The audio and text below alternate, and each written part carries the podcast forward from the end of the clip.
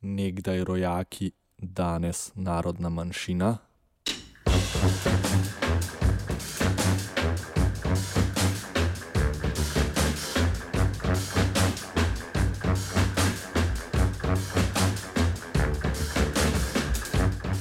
Zveza zvez kulturnih društev konstitutivnih narodov in narodnosti nekdanje SFRJ v Sloveniji, Exiumak in Združena levica sta pripravili predlog za spremembo ustave.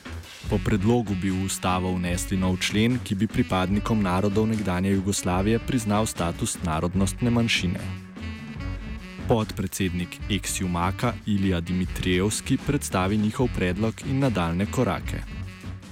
No, kar se predloga tiče, tako naj bi v ustavi prvič zapisali člen 64a, eh, v katerem so Albanci, Bošnjaki, Črnogorci, Hrvati, Makedonci in Srbi, ki živijo v Sloveniji in so manjšinske narodne skupnosti. Njihov položaj in kolektivne kulturne pravice ureja zakon. To pomeni, to je osnovna pravna podlaga, na osnovi katere naj bi pozneje v naslednji fazi v bistvu se uredila za, zakonodaja na drugih področjih, lahko skupnim zakonom ali pa eh, področnimi zakoni, tako kot eh, veljajo za posamezna področja. Mi smo med drugimi pripravili tudi nek osnutek tega posebnega zakona za te skupnosti ne, in tam smo izpostavili, če izobraževanje in kulture, razvoja in ohranitve identitete kot narodnih skupnosti, ohranjanje njihove kulturne identitete in javne uporabe materinega jezika, znanstvenega raziskovanja, prisotnosti javnih medijih, stikov z matičnim narodom ter drugih interesov, ki prispevajo k ohranjanju te naše narodne identitete. Ne. Exiumak je predstavil tudi predlog tega izvedbenega zakona, ki bi urejal predvsem področja izobraževanja, kulture in medijev. Ilija Dimitrijevski predstavi želene spremembe na področju izobraževanja posebno izpostavljeno je področje izobraževanja. Ne? In tukaj smo nekako tako si zapisali, ne?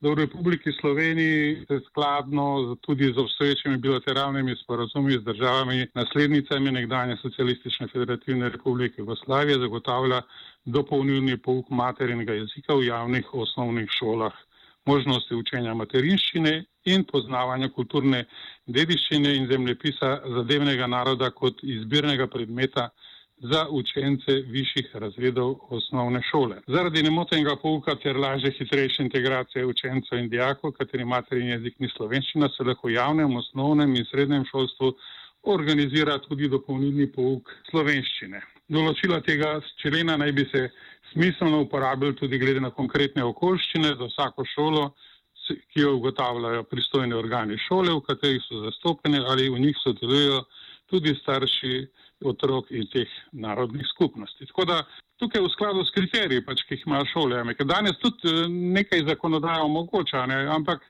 v bistvu tukaj ni ne vem kako hudega interesa in v bistvu skozi zakonodajo naj bi eh, le na, našli vzvode, da bi to zadevo malo bolj pospešili. Jasno, kriteriji morajo biti določeni.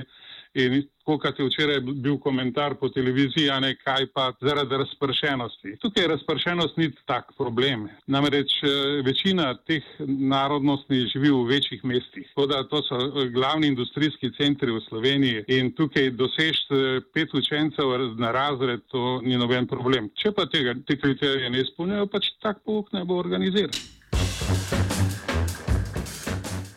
Za to, da se izbirni predmet izvaja, je potrebno zanimanje petih od sedmih učencev za ta predmet.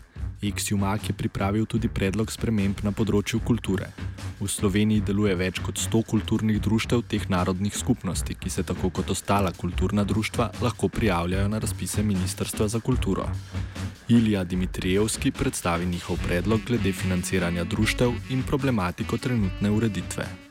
Mi smo zelo na kratko zapisali, ne, da ministrstvo pristojno za kulturo zagotavlja sistemsko financiranje dejavnosti kulturnih društv, pripadnikov Albancev, Bošnjakov, Črnogorcev, Hrvatov, Makedoncev in Srbov, ki živijo v Sloveniji, upoštevajo načela pozitivne diskriminacije. To pomeni, da uh, obstoječ pristop, ne, ki ga nekateri zelo hvalijo, da pač imamo vse na razpolago, pač kot vsi drugi in ne potrebujemo nič več. Običajno take manjšinske skupnosti res potrebujejo to načelo pozitivne diskriminacije, ker tako, tako uh, nekako so zakrčeni v svojem delovanju že zaradi okolja, zaradi strahu in ne vem kakšnih drugih mogoče uh, predsotkov, a ne uh, bojazne pred okoljem, je treba to zadevo spodbuditi.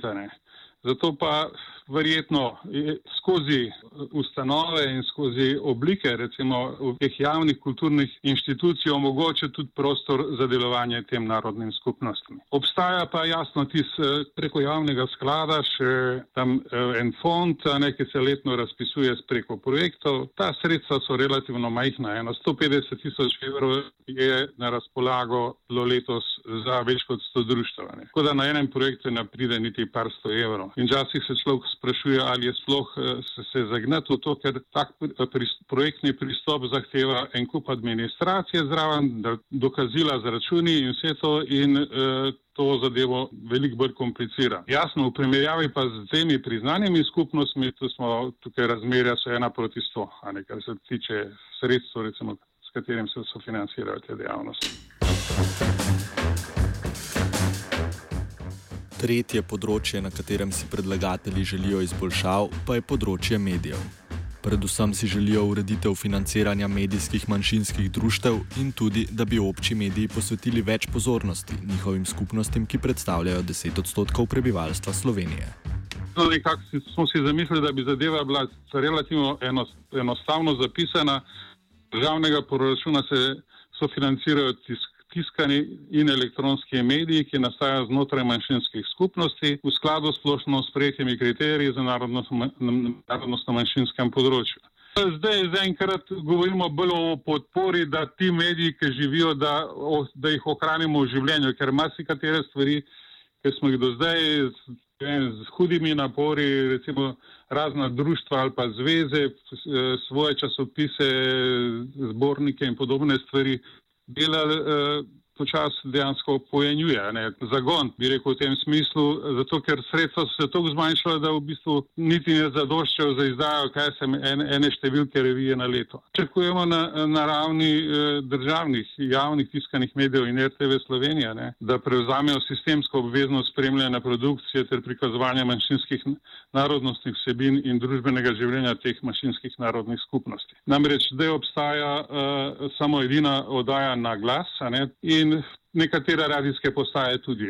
Vendar ni tukaj eh, sistem, sistemske podloge za to, ker je eh, tudi to dajo, ki sem jo omenil, pa vse tiste so ad hoc zadeve in dejansko so morali sredstva za realizacijo teh programov izdvojiti iz nekega teko, tekočega poslovanja, eh, tako da ne obstajajo namenska sredstva in zaradi tega recimo tudi te odaje so zelo redke, recimo tale na glas je enkrat na 14 dni in 15-minutna oddaja za 10 do 15 odstotkov narodnega telesa, neko, kar predstavljamo, je to zelo skromno. Ne. Zadnja sprememba na področju pravic narodov nekdanje Jugoslavije je bila leta 2011 sprejeta deklaracija o položaju teh narodnih skupnosti. Deklaracija razglaša, da imajo pravico do samoorganiziranja in razvijanja svoje kulture in jezika, vendar pa ne določa pravne podlage za spremembo zakonodaje o teh skupnostih.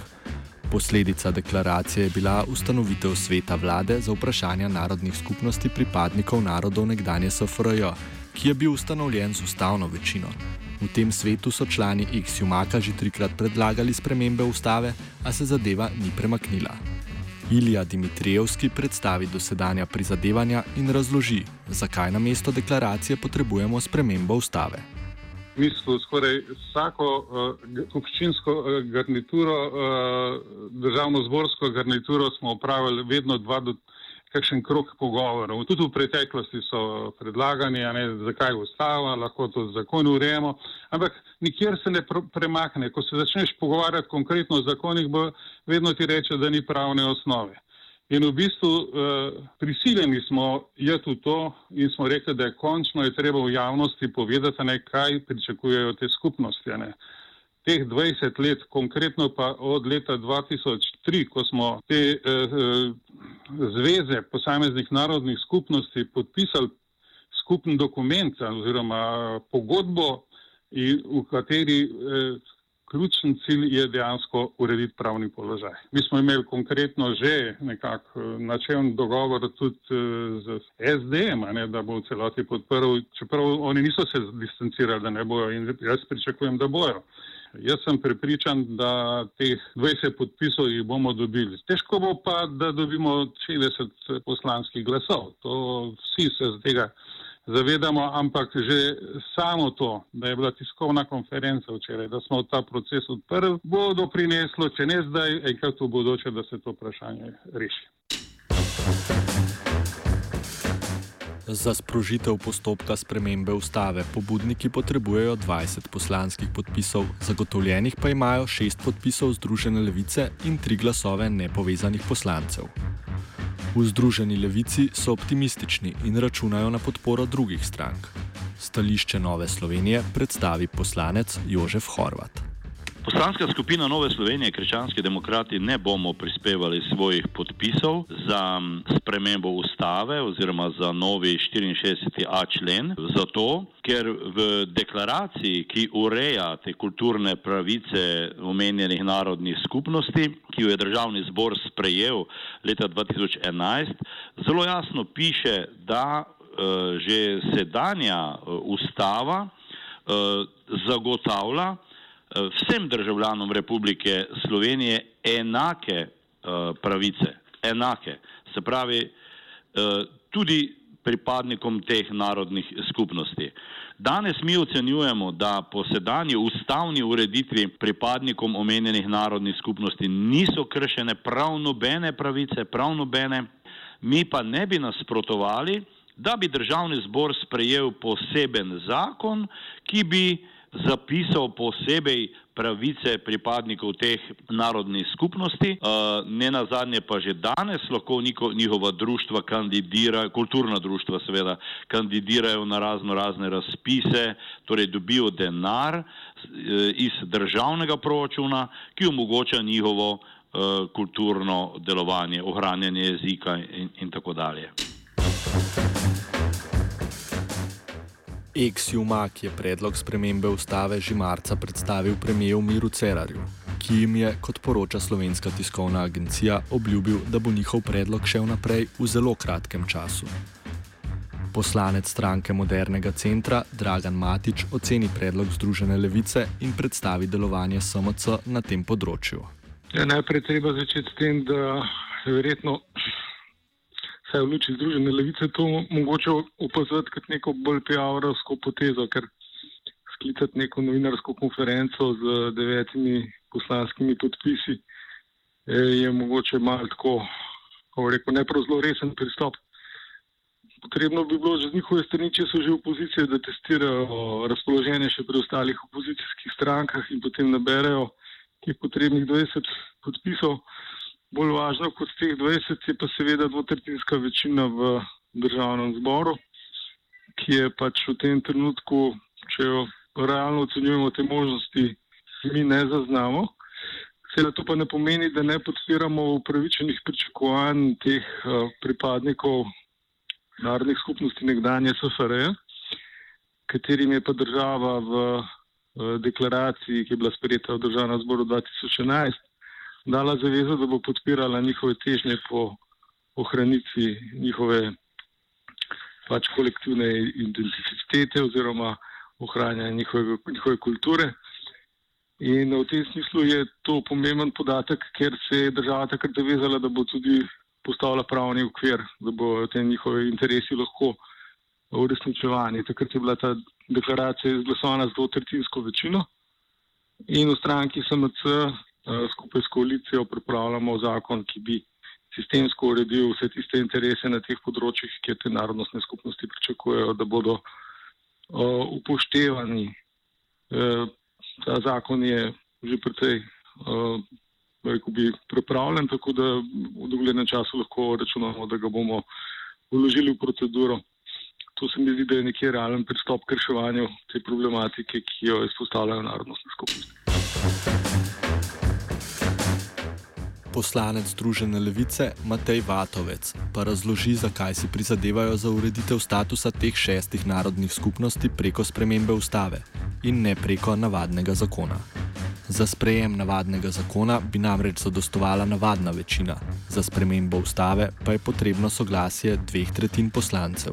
Razloga sta dva. Prvi je ta, da bi upis v ustavo imel nek eh, večji simbolni, simbolni pomen, drugi pa je ta, da če sledimo vsaj mnenjem nekaterih ustavnih pravnikov, eh, potrebujemo za takšno zakonodajo, kot jo, kot jo omenjate, ali pa kot jo omenja tudi SMC, čeprav do nedavnega niti ni bil tako naklonjen temu, potrebujemo podlago v ustavi. Mislim, da so ta dva razloga tle ključna, ker gre vseeno za urejanje nekih posebnih kolektivnih pravic in če ni podlage za takšne kolektivne pravice v ustavi, bi potem lahko tak zakon tudi po svoje verjetno zelo težko, zelo težko obstal, no tudi z ustavnega vidika, ker ne favorizira ali pa daje prednost neki skupini nasproti vsem ostalim.